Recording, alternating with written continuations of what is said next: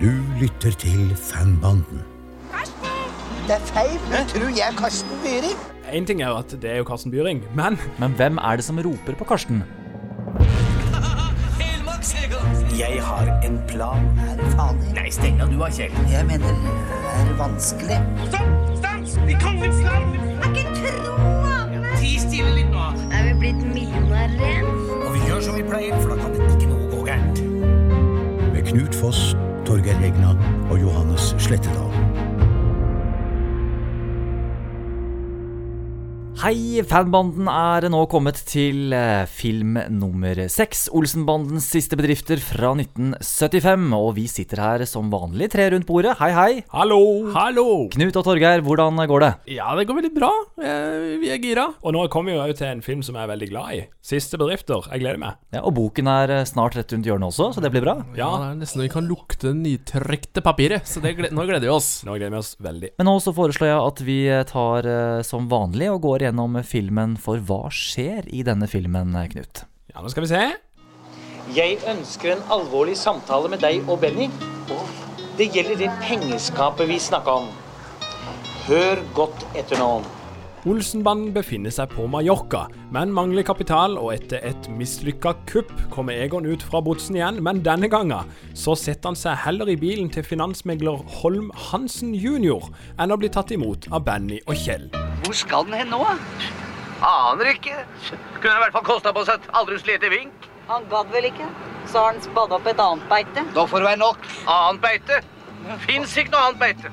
Egon kjører nemlig solo og skal hente ut Bedford-diamantene fra et pengeskap som ligger i Sveits. Ja, du, du hør her. Han trakk opp en slags kontrakt og forlangte 25 Ja, tenk deg, 25% Men han blir lurt. Nå venter en hevnaksjon hvor Egon og resten av banden skal ta rotta på Holm Hansen Junior. Junior. og rappe til seg diamantene. Rett foran rådhuset. Filmen byr på et spektakulært kupp, drukningsforsøk Hva er det han gjør med Egon?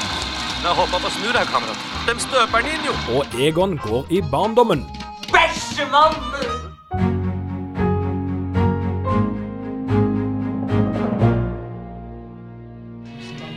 I fem år på rad har Egon, Kjell og Benny vært publikumsfavoritter på norske kinoer. Fem filmer breddfull av moro. Fem filmer som er med på å spenne forventningene til den sjette, Olsenbandens siste bedrifter. Olsenbandens siste bedrifter eh, hadde altså premiere 7. august. 506 000 nordmenn så filmen på kino. Altså, Olsenbanden holder seg oppe ennå på popularitet. Altså, Over en halv million, det er, Det er solid. Det er litt færre enn forgjengeren. Ja, og, ja, var oppe i 600 000. og Dynamitt-Harry er eh, ennå ikke tilbake, så Nei. her holder de det. Så her holder de stand uten eh, Heide Steen. Og her har vi jo en annen regissør, det skal vi komme tilbake til, men her var det veldig god kritikk. Fra mm. kritikerne. Eller veldig og veldig god, det var det vel Bedre. andre. Men det var litt bedre kritikk. Ja, Vi kan i hvert fall legge til at eh, filmen omsatte naturlig nok noe, noe mer enn forgjengeren 'Olsmann møter kongen og knekten', nemlig i overkant av 3,6 millioner. Og Teamfilm fortsetter eh, som vanlig, får vi vel nesten si, med disse såkalte kontinuitetsbruddene. For denne gangen så starter vi på Mallorca, og vi vet ikke helt hvorfor, egentlig. Nei, for eh, den danske forgjengeren er jo går amok, eh, og i slutten av den filmen så reiser jo faktisk Olsenmannen til Mallorca. eh, Ja, uten penger. Uten penger, vel å merke. Og denne filmen starter at de er på Mallorca, Og ikke har penger. Altså, de må skaffe seg gryn. og det setter i gang dette åpningskuppet, der de skal hente ut noen penger fra en som kalles for Grise-Hansen. Alprende del Amo heter stedet. Det eies og drives av en nordmann. Hannibal Hansen heter han. Kalles bare Grisehansen. Og denne Grisehansen han har fått bygge om et gammelt gårdsbruk til en slags restaurant. To ganger i uka svinger han opp med den grisefesten. Skreddersydd for skandinaviske turister. Der har jeg en liten fun fact, gutter. Ja. For Grisehansen han er inspirert av Antonio Santana Mirandas. Bedre kjent som Grise-Antonio. Ah, Han var faktisk eieren av Alprende del Amo, som egentlig het Casa Antonio. Og det stedet regnes som grisefestens fødested. Ah, så de er tilbake til Ja, kildene. De er tilbake til kildene, og ikke nok med det. Antonio Santa Mirandas. Han er med i filmen. For det er han som serverer Kjell og Valborg Basse mat. Ja, det er han, ja.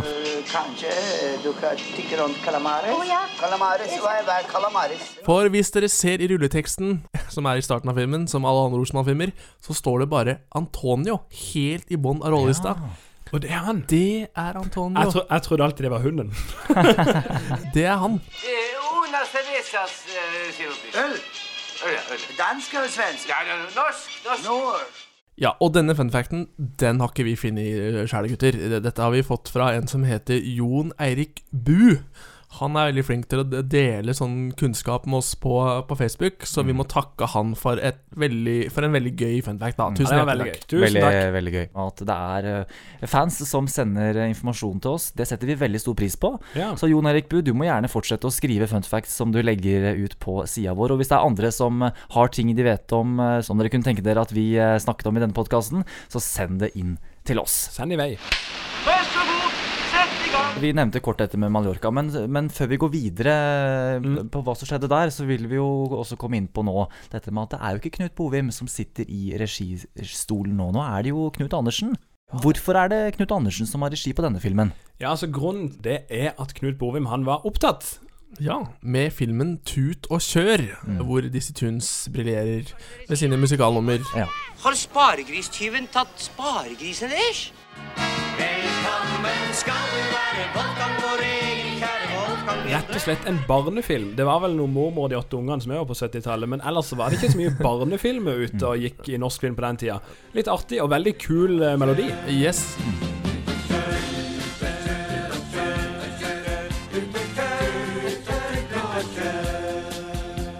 Og med seg på laget så hadde jo Knut Bovim med seg Mattis Mathisen. Derfor så er heller ikke han med i denne filmen, men Knut Glørsen. Som er sjefsfotograf. Som Ja. er sjeffotograf, og som også var sjefsfotograf i Olsenbanden og Dynamitt-Harry på sporet. Ja. Det dere kommer til å, til å høre i denne podkastepisoden, er at vi kommer til å spille av en god del eh, klipp fra et intervju som vi i fanbanden gjorde med Knut Andersen for noen år siden.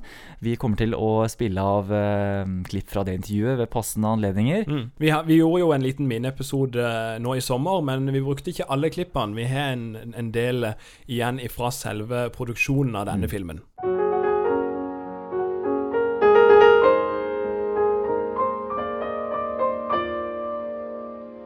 Jeg har peiling på et skap. Hva slags skap da?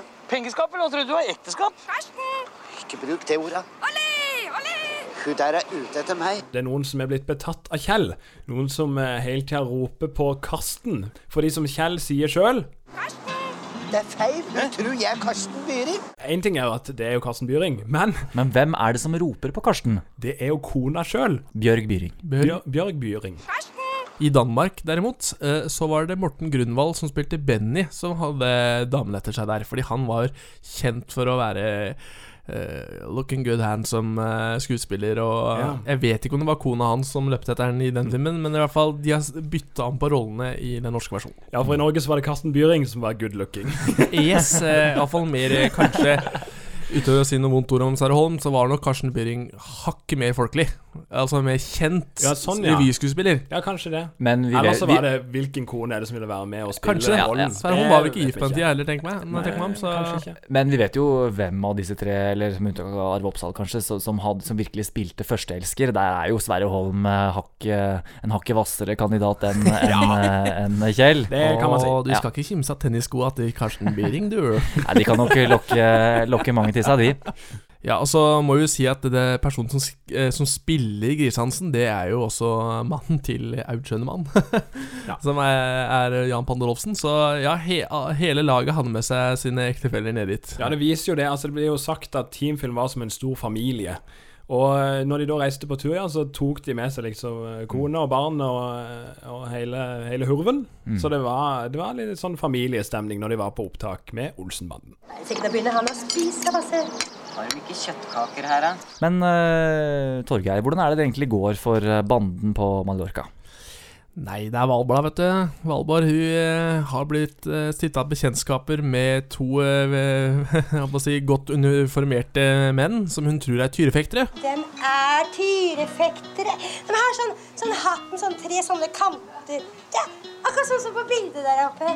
Og i god tro så skal hun vise Egon at eh, Egon, du må se, her er tyrefekterne som du ser. For han tror ikke på henne. Nei, han tror ikke på henne. Og det er jo for så vidt eh, bra tenkt, det, for de er jo ikke tyrefektere. De er jo selvfølgelig politimenn. Buenos días, esta es la policía. ¿Tiene la amabilidad de acompañarnos? Akkurat som å høre Basse. Hva er det betydde for noe igjen, Basse? Ja, det er fra politi. Og fra Mallorca så er vi tilbake på Botsen, men denne gangen så starter vi jo ikke i totalbotsen, men vi starter altså ultranær Botsen. Hva skal vi si om det? Da jeg var liten, så tenkte jeg at, at å, det er en ny regissør, han har ikke sett Olsenbanden før. Det tenkte jeg. Allerede der var du geek, ja.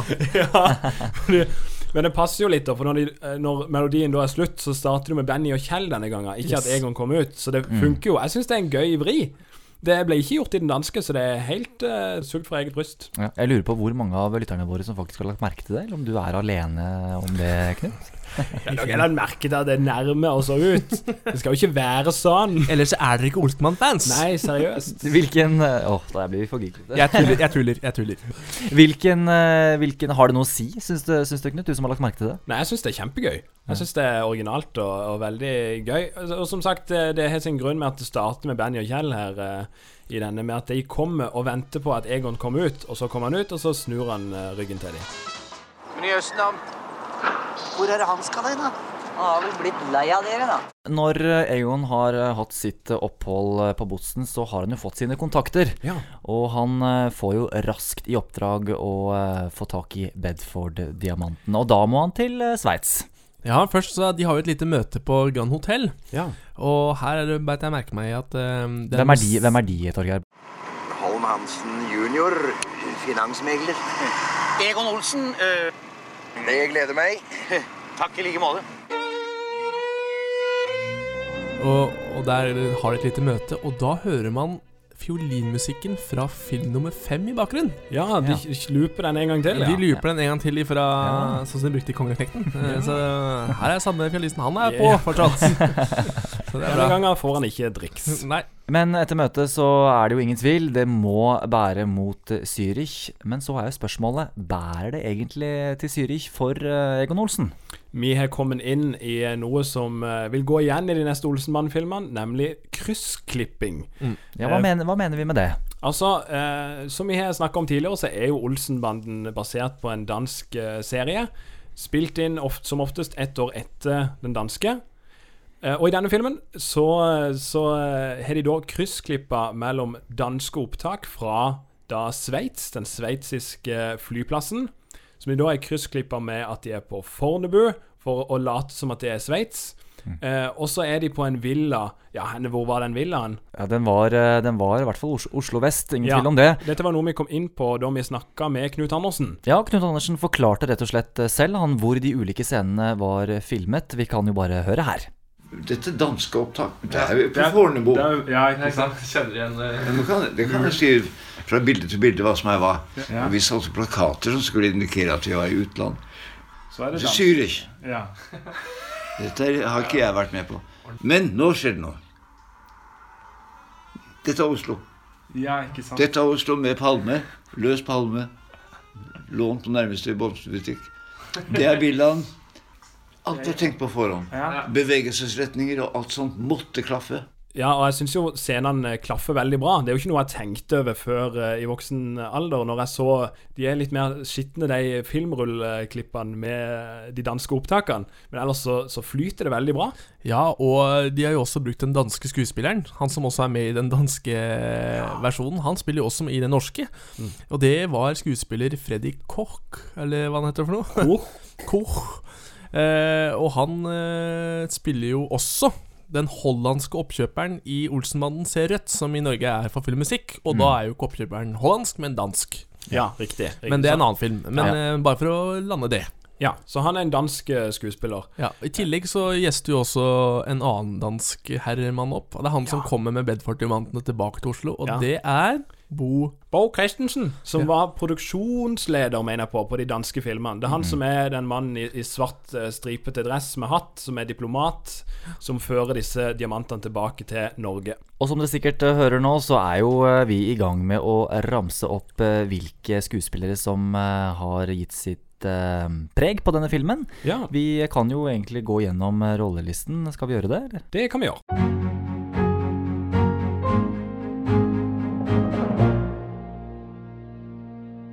For det er jo som vanlig Arve Oppsal, Karsten Byring, Sverre Holm, Aud Schønemann, Pål Johannessen som eh, er i å se i denne filmen. Men vi har også med skuespillere som Rolf Søder. Vi har jo nevnt eh, rollen hans, nemlig Rockefeller Holm Hansen jr. Eller hans fulle navn, Johan Morgan Rockefeller Holm Hansen jr. Ja, det er jo selve bildet på, på, på storskurken. Altså De er tilbake på det sporet som de var i, i, i fjerde film, med at det er storskurken som både Hermansen og Egon er ute etter. Ja, og det som er litt gøy Dette er en fun fact jeg fant ut av. Eh, Rolf Søder, skuespilleren, var gift med skuespiller Berit Søder.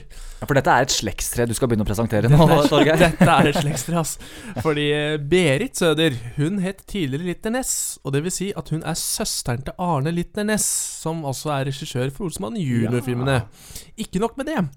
Men Rolf Søder og skuespiller Berit Søder hadde også tre barn, og en av døtrene deres giftet seg med Johannes Joner, som også har en link til Olsenmannen og Olsenmann junior-universet. Kjent som Holm i Olsenmann junior. Ja. Ja. Og Gran i Olsenmannens siste stikk. ja, ja. Riktig. Som vi kommer tilbake til. I tillegg så, så har vi jo Rolf eh, Sand. Han er med i filmen. Han spiller vakt på Politiskolen. Vi har Dan Fosse. Han spiller vaktmann med hund. Der er vi inne på en interessant ting, for hunden til denne vaktmannen, til Dan Fosse, hvem sin hund er det? Det er beaglen til eh, Knut Andersen. Vi kan jo også nevne at kriminalbetjent Hermansen sin eh, makker, eh, spilt av Oddbjørn Hersevold, det er jo en noe mer trist, trist beretning. Ja, for, Bare for å skyte inn det, da, så er det her aller første filmen hvor Holm blir introdusert i serien. Ja, men vi er jo politi, og de er forbrytere. Forbrytelser skal ikke lønne seg. Ja, det er også da. Ja, Mm. det, det er en ny karakter som selvfølgelig bytter skuespill etter hvert. Men eh, ja, han, eh, han lever jo, han, for all del. Eh, han har havna litt utpå. Uh, Blitt en karakter i Bergen sentrum? Ja, han er, ja. Ja. Så, Men for alt jeg vet, så lever han fortsatt og ja. er fortsatt en hyggelig fyr og alt det. Han drev mye med sånn dans og scenekunst og eh, revy på, på 70-tallet. Men du, som du ser, Holm blir introdusert for første gang her, og da får vi da det samspillet mellom Hermansen og Holm. Mm. Altså, eh, hvis vi flipper rundt på eh, Olsenbanden 4 og 5, sånn at det blir den kontinuiteten vi vil ha, holdt på å si, sånn som det var tenkt i den danske serien, mm. så hadde du da i Olsenbanden går amok eh, Hermansen som ville ta denne storskurken, men feila. Mm. I denne filmen, da, som var den opprinnelige oppfølgeren, da, så er Hermansen gitt opp. Og det er Holm som prøver å få tak i denne storskurken, mens Hermansen er den tilbakelente som sier at dette er storpolitikk, dette er storfinans, storskurke, dette går aldri. Ja. Fem millioner dollar i kort ufort. Nemlig. Ja, men det er jo ulovlig. Riktig. Ja, men da må jo vi gripe inn. Gjøre noe. Kjære unge venn, hva vil vi oppnå ved det? Diplomatiske forvikling, oljerestriksjoner, valutakrise. Husk nå på det, at når de riktig store forbrytere er ute og går, så har eh, politiet ikke noe annet å gjøre enn å gi dem beskyttelse. Og apropos det med kontinuitet. Eh, Hallandsen, som var skurken i Går amok, Ja. det er jo han som Det er jo hans villa i Sveits de er og opererer i, men han er død i denne Og filmen. Holm spiller jo opp til det feilskjæret Hermansen gikk eh, på i Går amok, hvis vi hører her. Uh, dette kom akkurat på fjernskriveren fra Sveits. Det lukter veldig interessant. Det er visst et eller annet med Hallandsen. Han er finansreven. Jeg husker han, ikke sant? Var det han du prøvde å få noe inn på i fjor, det? Ja, nei, det var to år siden. Oh, ja, men han tok iallfall innesvingen på oss. Ja, ja, ja. Jeg husker han. Eh, Hva er det med han? Døde ikke han nettopp? Er iallfall begått innbrudd i villaen hans i Sveits. Safen var åpna. Det var funnet en bag, et par gummihansker og ei eske talk om en norsk fabrikat. Ellers ingen spor, og tilsynelatende ingenting fjerna fra safen. Unntagen Bedford-diamantene.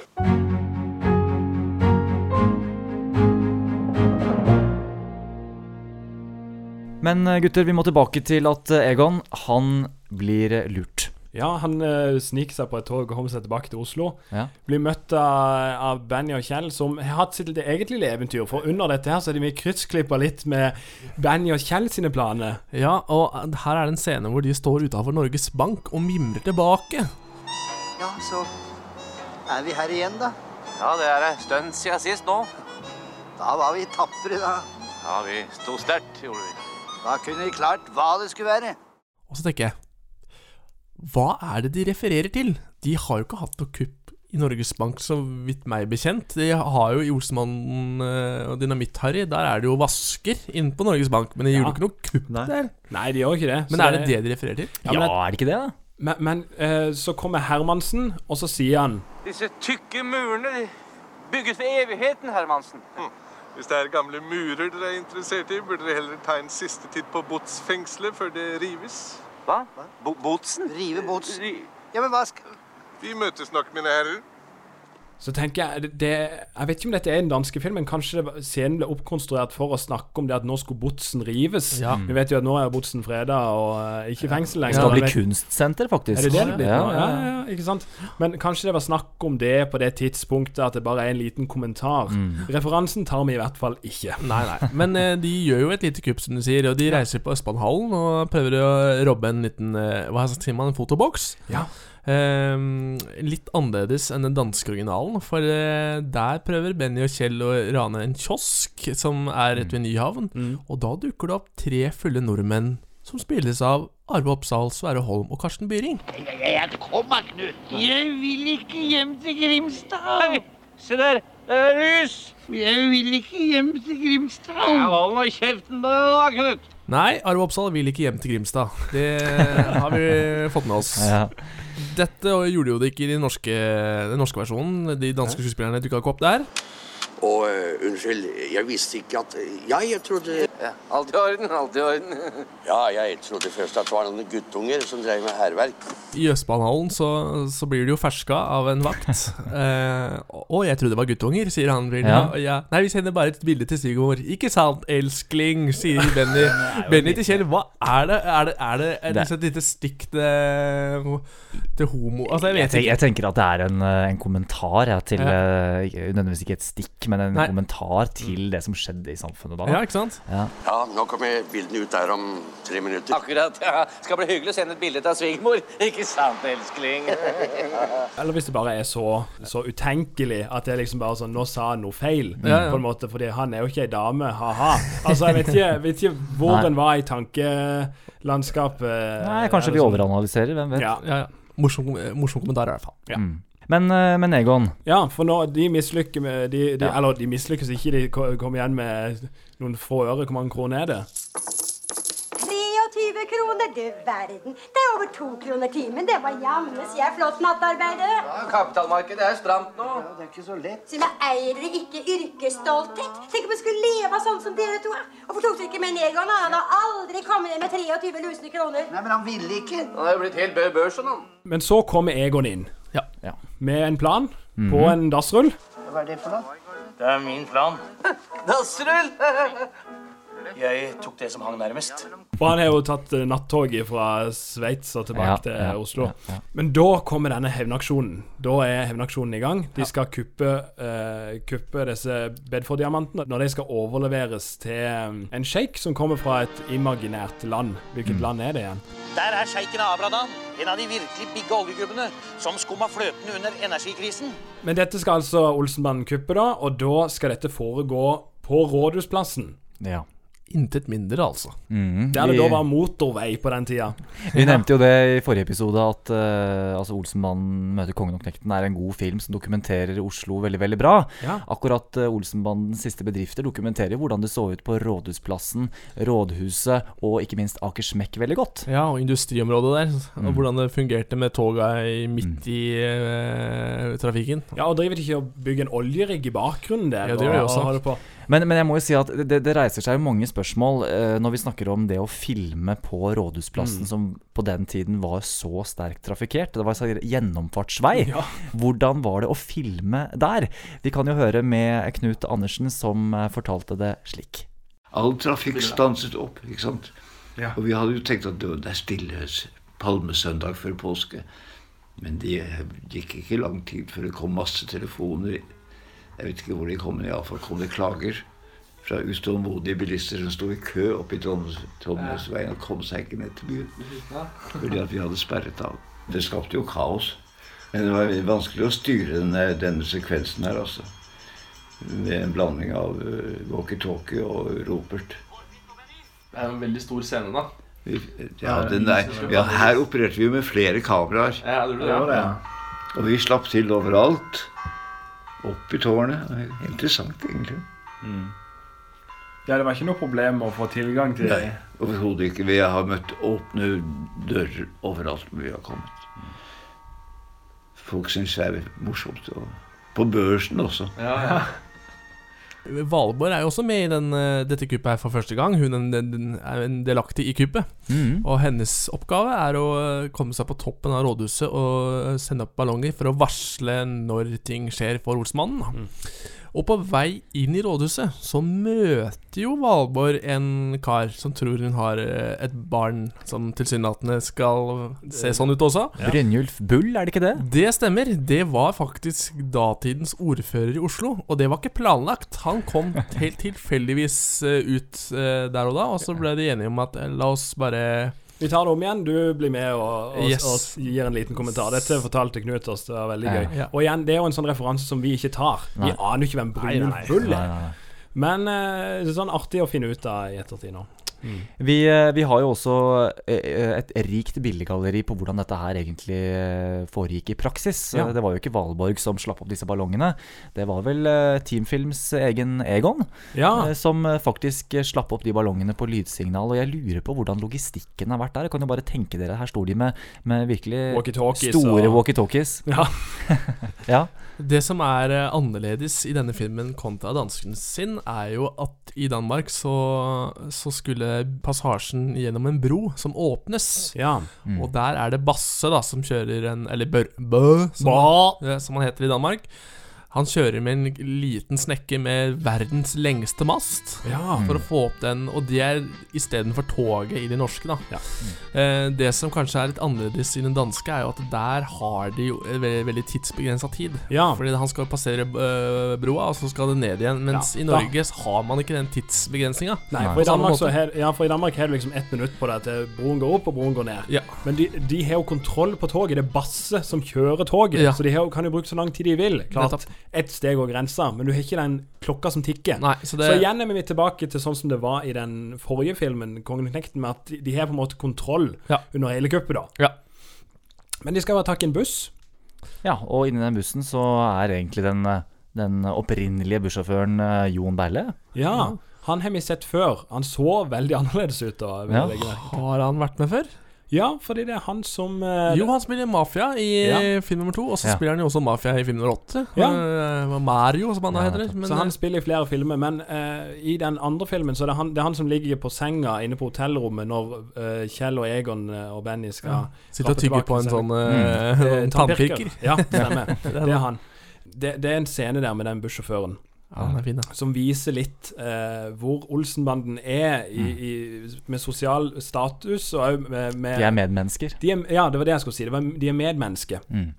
For eh, de stjeler bussen, eh, begynner å kjøre, stopper.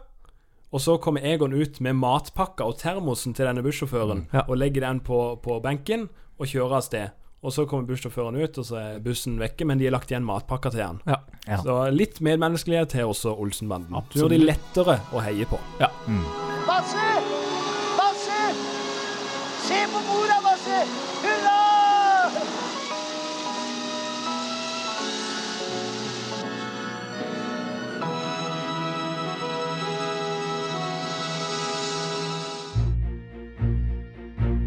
Du har kanskje lagt merke til det allerede. Vi i fanbanden har satt i gang et prosjekt der vi tar initiativ til å lage et bronsemonument av Egon, Benny og Kjell utenfor Botsen på Grønland i Oslo. Og med oss på dette prosjektet har vi en svært erfaren skulptør. Vi er i dialog med private sponsorer samt Oslo kommune. Men vi trenger også hjelp fra deg. Du kan være med å finansiere disse tre bronsestatuene av Norges mest folkekjære forbryterbande, enten ved å vippse til 56 83 43, eller gå inn på spleis.no olsenbanden på sokkel. For flere detaljer rundt prosjektet, besøk fanbanden på Facebook.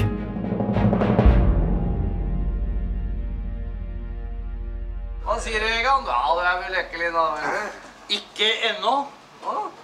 Egon er ikke glad? Ja, tenk da, om, Egon. 75 millioner, og Egon er ikke glad. Klapp igjen brødsaksa. Egon Olsen og Olsenbanden har eh, altså nå Bedford-diamantene, men istedenfor å sitte på disse Bedford-diamantene som gjør lite nytte av seg, så er jo de eh, mye mer interessert i å få pengene til Holm Hansen jr. Og de drar rett og slett derfor bort til Holm Hansen jr. sitt kontor for å få sin revansj. Men så enkelt skulle det ikke vise seg at det skulle bli. Det kommer. Å, gudskjelov. Hva er det nå, Egon? Har de drilla deg igjen?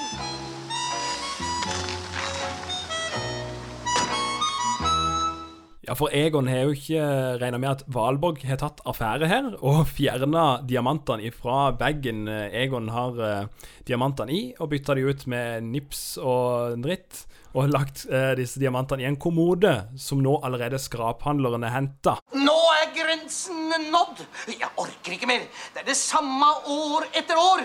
Jeg kommer hjem med en plan. En genial plan. Gjennomtenkt og tima, tilrettelagt og justert. Alt glir som i smør det går galt. Og hvorfor? Jo, fordi rundt meg, rundt lyset, så flagrer det med småmøll. Et par impotente hengerumper. Ølfeite grautgubber. Nei, nå er det slutt, altså, Egon. Får ikke lov til å snakke sånn til gode, gamle venner som har slitt for deg både dag og natt. Hysj! Skamme deg, skulle du. Til ti stille! Jeg trekker meg tilbake. Jeg abdiserer. Hit med juvelene. Hvor er dem? Og jeg teller til ti. Hvor har dem? En, to Skal være på den måten, så. Jeg la dem i kommoden i ankelen. Å, nei, det er sant! Han har henta den. Henta? Hvem? Skraphandelen fikk du på rakkeren. Ja, Nå legger jeg meg pennene, altså. 75 millioner hos skraphandleren. Og nå får Arve Oppsal virkelig få lov å spille ut litt eh, andre Jeg skal bare si Her får vi virkelig se skuespillertalentet Ja, til Arve nå får, får han endelig brukt Egon på noe annet enn bare å være sjef. på en måte Nå får han virkelig spille barn, og det er jo en veldig kul scene. Morsom scene. Det er tørna for Egon. Han er gæren. Nei, nei, han går bare i barndommen. Jeg må ikke Verdens rike, da får dyret sitt. Vær så god. Du, av og til skulle tro det var gærne alle sammen her, altså. Bæsjemann! Du tar deg sammen litt, Egon. Ikke mer nå, Egon. Dette er jo noe av det litt annerledes med denne filmen. Når jeg tenker på denne filmen, så er det liksom Rådhusplassen og at Egon går i barndommen. Eh, så det er litt sånn annerledes eh, Ja, gøy, gøy greie. Ja, for la han Egon være i fred. Jeg kan ikke fly som en strikkball rundt omkring her. Det er heiteste vi vi er nødt til å finne på noe. Vi må ha tak i det glitteret. Ja, Hvis dere skal gå, skal jeg jammen ta med dere han der, der, altså. Han kan ikke være han her når Frelsesarmeen kommer for å hente sengene. Bæsjen! Men på eh, det stedet som skraphandleren holder til, det er jo på Rodeløkka. Ja. Og det er jo på så å si samme sted som de brukte til å gjenspeile gamle Oslo i Olsmann junior i mange Ja. år senere. Det Ja. er jo bare gata rett bak. Hvis eh, noen er kjent med Olsenbanden junior går under vann, som jo vel er den juniorfilmen jeg kjenner mest til, så er det når han kommer ut fra barnehjemmet og de sykler til Kjell, Ja. så er det en sånn fin panorering, og så ned en bakke, og det er der. Det er Ja. akkurat der. Men uh, Egon eh, Olsen han kaster ut eh, skoene sine av bilen og har og Bass i vannet og er full, og hopper i, i sølepyttene. Der kommer det bort en, en stor kar, Torgils Mo, i jeepen sin og oppdager Egon Olsen og sier da følgende Sett opp pellet ut av gata, da, din fjoms! Svarte Terje Sølevann, Pyse Klyse Pottitmann, han er tjukk i huet, han! Neimen, neimen er det ikke Egon Olsen, da? Jo, og jeg vil ha en stor is med nøtter og jordbær og Kanari full i bollen. Dette stemmer helt. Ja, for han er blitt hyra av Holm Hansen til å ta rotta på Egon, og nå får vi introdusert det, da. at det er storskurken hyrer en henchman til å ta rotta på Egon Olsen. At han forsvinner fullstendig og sporløst. Har programmet klart? Men det er jo ikke denne danske biffen som vi er vant med, det er Torgils Mo. Det er Torgils Mo som uh, egentlig var en habil jazzmusiker. Ja, og uh, var, var han sånn dørvakt òg, eller? Han har spilt dørvakt i i hvert fall to av sketsjene sammen med, med Fleksnes. Det er der jeg har det fra, ja. Ja. ja og så er han med- og så spiller han Frankenstein i Førstebrødrene første Brødrene Dal-serien. Ja, ok, ja. Ja. Og han er også med i noen roller både i Operasjon Løsbrett og Sjøsprett og andre Han har vel Mm. også en liten rolle i Hurra for Andersen, tror jeg. Eh, ja, mulig. Og i Fleksnes, den der neseepisoden til Fleksnes. Mm.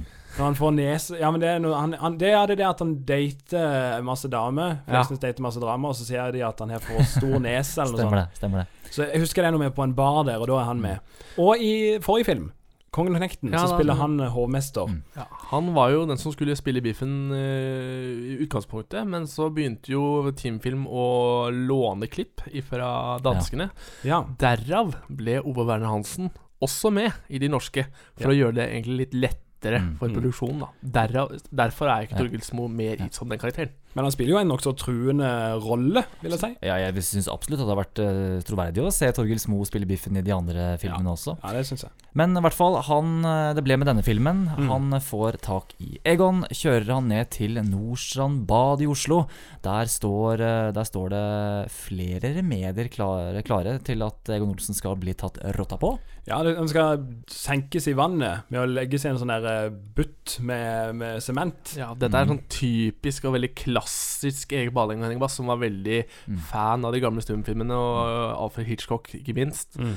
Og dette her prøver de å gjenskape, da, med det, for det er en sånn klassisk eh, Hva sier man sånn um, Killer-metode, på en måte. Eller Ja. ikke Ja, å bli, bli kvitt folket er å sementere han og sende han i vannet, liksom. Litt sånn mafiastemning òg på det. Men, men vi snakka jo med Knut Andersen om dette her òg, Ja. så det er litt gøy. For vi var jo litt spente på brukt, Var det Arve Oppsal i alle bildene her, eller ble det brukt en dukke?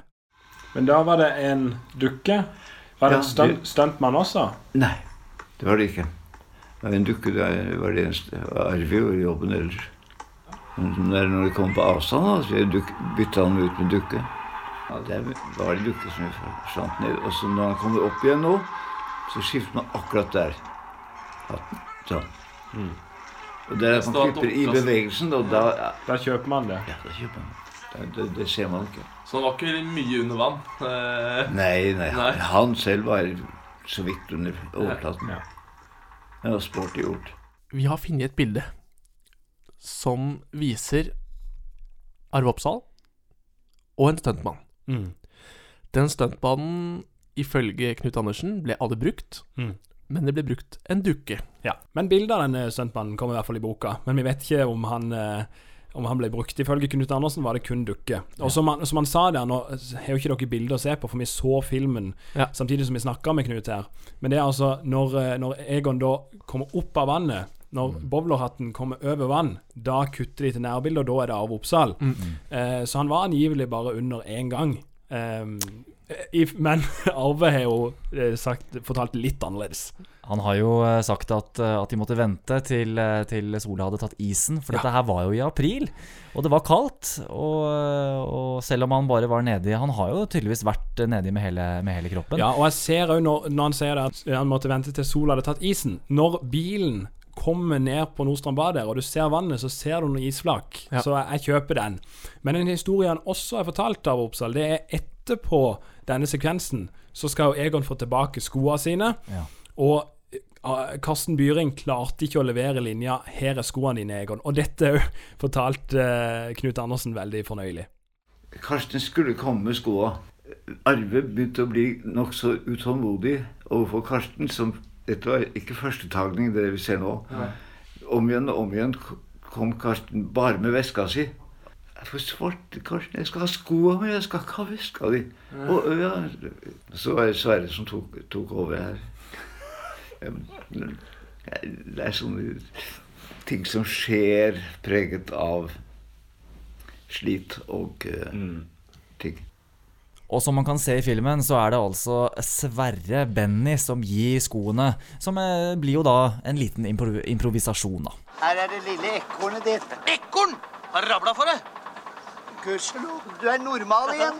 Normal? Er du gæren? Ja, ja, Egon. Skoa dine, Egon. Etter dette her så blir det nødvendig for Olsenbanden å få tak i noen politiuniformer for å kunne komme nærmere Holm Hansen jr. Derfor så oppsøker de Politihøgskolen. Ja, og eh, ja, for, for bare sagt det, nå er banden da samla igjen. Vi Ja. får for øvrig en liten prat der med at som jeg, jeg føler Dette har vi hørt før. Uh, sist hørte jeg Tar gull, der de sier Ja, så sier vi det, da. Jeg er ikke modig, jeg Ja. bare ser sånn ut. Ja, Vi må nesten bare høre på det. Ja. Dere er mine venner, det er det dere er. Dere er tapre og dristige og fantasifulle. Det, det, det er for mye. For mye, det er for lite. Jeg, jeg går jo bare rundt og snøvler og prater, jeg. Jeg er ikke modig, jeg. Det, det, jeg bare ser sånn ut. Ja, jeg, jeg er av og til helt koko, jeg. Sludder. Jo, jeg er det. Vrøvl. du? nei, nei, nei, innrøm det nå, da. Ålreit, så sier vi det. Men jeg har mine feil, jeg òg. Nei, nei, det går jeg ikke med på. Så klart jeg har Nei, det. ikke én feil, engang. Ålreit, så sier vi det. Ja, så, så er vi venner igjen. Da. Ja, og jeg har en plan. Ja, og nå skal vi følge den. For det er jo akkurat likt som i uh, Tar gull. Så det er litt sånn copy-paste av manus der. Men det, er litt, eh, Men det funker veldig, veldig funker. morsomt. Men eh, politistasjonen de eh, får rappa til seg noen politiuniformer, og det bærer mot børsen. Børsen var vi jo for øvrig på i den første filmen òg. Nå var det ikke tenkt som Børsen. Jeg tror som vi snakka om at det bare var en location. Mm. At ikke det var tenkt som at det skulle være Børsen, men bare et, et pent bygg. Mm. Men nå spiller Børsen Børsen, og de er på, de er på vei inn. En fin, fin eh, Dolly-kjøring med, med bilen. Det er jo ikke så vanlig på Rosenbanen å bruke Dolly. For, og for dere som ikke vet hva Dolly er, det er eh, skinner som man plasserer kameraet på, og så kan man bevege skinna så du får en slags sånn fin og Kjøring. Kjøring, da. Og det er jo ikke noe det- som du sier, det er jo ikke noe de brukte noe særlig før, så det tror jeg er noe både Knut Glørsen og Knut Bov... Nei, Andersen Mange Knut. Ja. Eh, Det blir mange Knut. Det dere kan i hvert fall eh, se hvis dere kjøper boken, er jo at eh, det også foran Botsen i film nummer seks ble brukt dårlig Dolly der. Men tilbake til filmen. Så er de nå kommet seg inn på børsen. De skal avhøre, de skal avhøre Holm Hansen. De utgjør seg for å være politifolk. De har med seg Egon som vitne, Mm. fordi Egon har meldt seg inn og, og vil da angi angivelig eh, Holm Hansen. Her er det jo skuespillerne som, som oppfører seg som skuespillere. Ja, De Ja. går jo inn i roller. Ja, så Benny går inn og snakker med Holm Hansen og forhører han. Og så skal, kan Kjell og, og Egon holde seg inne på kontoret hans og åpne pengeskapet hvor Bedford-diamantene ligger. Ja. Nei, unnskyld. De 15 millioner dollarene ligger. Yes. Og det er det som er hele ideen, for de skal putte Bedford-diamantene inn der, og så skal de ta ut penga selv. Men det blir jo ikke enkelt når eh, Kjell har glemt nøklene. Nei, men da får jaggu Egon høre orda fra Kjell, altså. Fordi det her er første gang Kjell Ja. står opp eh, for Egon og sier en- dette her finner jeg meg ikke i. Nå får du pinadø komme her. Du, ja, det er bare snikksnakk. Og du, vi kan jo bare høre her. Nå er jeg lei både deg og den ballstyrige kjerringa di. Nei, nå kan det være nok. Meg kan du herpesere. Men jeg skal ha meg meget frabedt at du kaster dritt på Valborg. Kjell har tørna for det. Ja, vi har ikke tid til å stå her og tulle. Få opp skapet. Med disse mannsettene? Ja, takk, jeg kjenner den. Det er bare snikksnakk og utflukter. Hva? Vet du hva du er? Du er en skrytepave og en tulling. Men meg skremmer du ikke Wanda, for jeg kjenner deg. Inn med deg nå. Du holder opp, I skapet. Jeg vil ta det litt med ro. Så ganske unikt til Kjell å være. Ja, en veldig fin, fin scene. Og, og det det fører med seg, da, det med at eh, Egon eh, får allikevel åpne pengeskapet med håndjern på. De stikker av sted med de 15 millionene. Og Holm Hansen ringer da til politiet for å anmelde det. Kriminalbetjent Hermansens telefon, vær så god. Hva gjelder det? Ja vel, ja. Ja. Akkurat, ja. Kan dette betraktes som en eh, anmeldelse? Glimrende. Og Holm eh, sjøl kommer da ned og finner da Bedford-diamantene, og kan da anmelde Holm Hansen jr. Holm, jeg sier det nå, og jeg har sagt det før. Jeg vil ikke ha noen skandale. Vi har mottatt en anmeldelse. Skapet er altså Ja. Skapet er jo slett ikke tomt. Diamantene? Vel, for diamantene. De eh, kan kanskje forklare hvorfor disse befinner seg i deres pengeskopp? Ja takk, kom. Det var alt. De kan rydde opp her. Jeg overtar selv saken. Ansvaret ligger hos meg.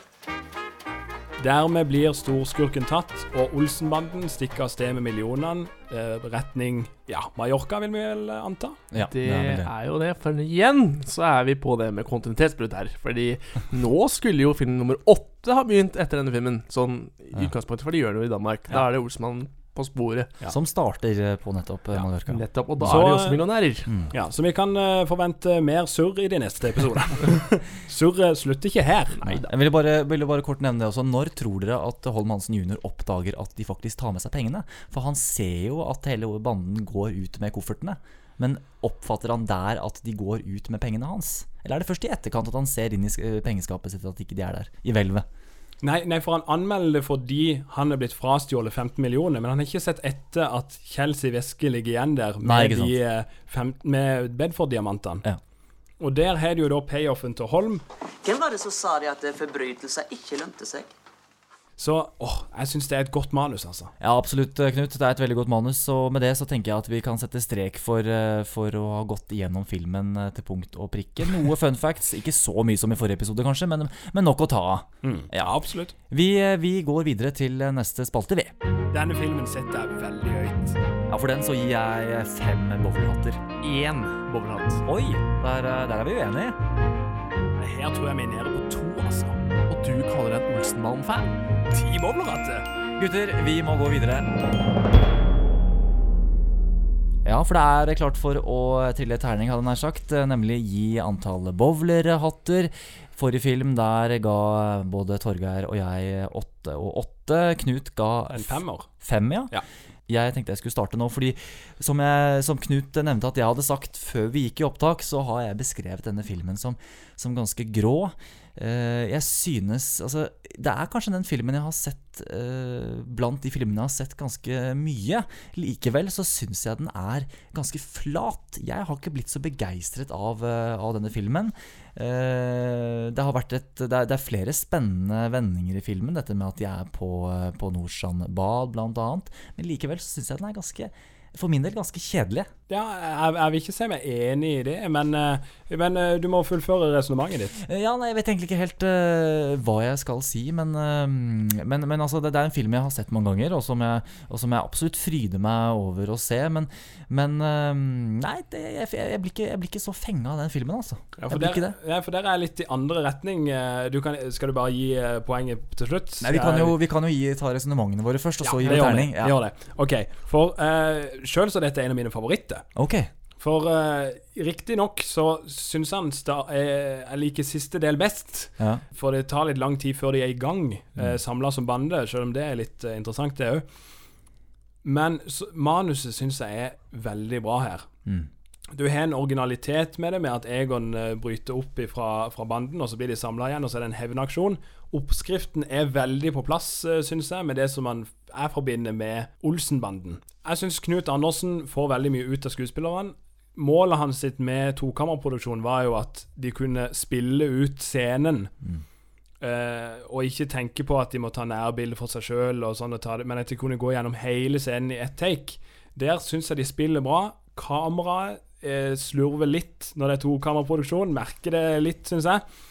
Men jeg syns det er en veldig energi i filmen. Han er litt røff, som du ser. Han er litt grå. Eh, men jeg syns han lever litt. Eh, jeg syns det funker veldig bra. Denne setter jeg veldig høyt, egentlig. Torgeir?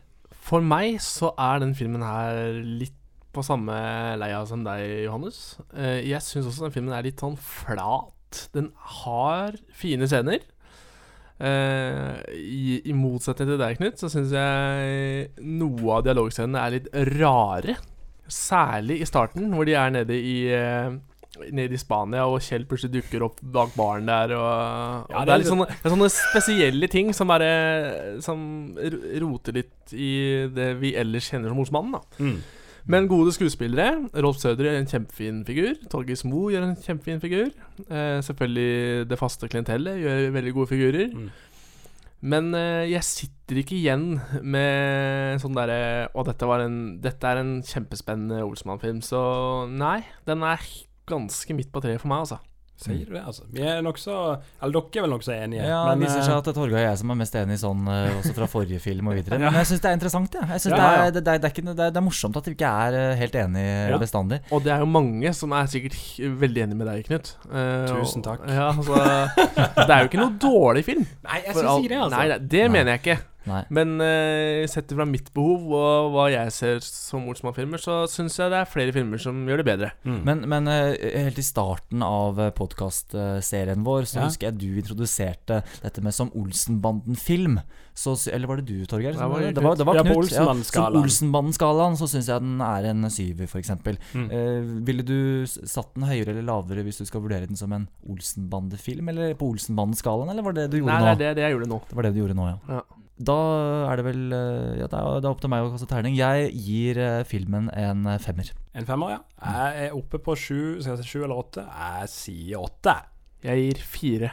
Da ble det altså fem fra meg, åtte fra Knut og fire fra Torgeir.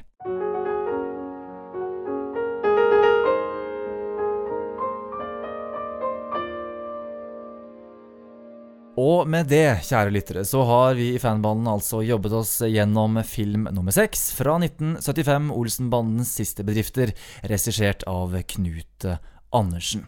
Neste gang, hvilken film skal vi snakke om da, Torgeir? Da skal vi snakke om for musikk. Eh, jeg må bare skyte inn at eh, denne filmen her heter jo Olsmanns siste bedrifter fordi det var tiltenkt å bli den siste filmen i rekka. Ja. Men eh, da fikk eh, danskene, det danske folk eh, De begynte å protestere på det. De ville ha flere Olsenmann-filmer. Derav kom det jo flere Olsenmann-filmer.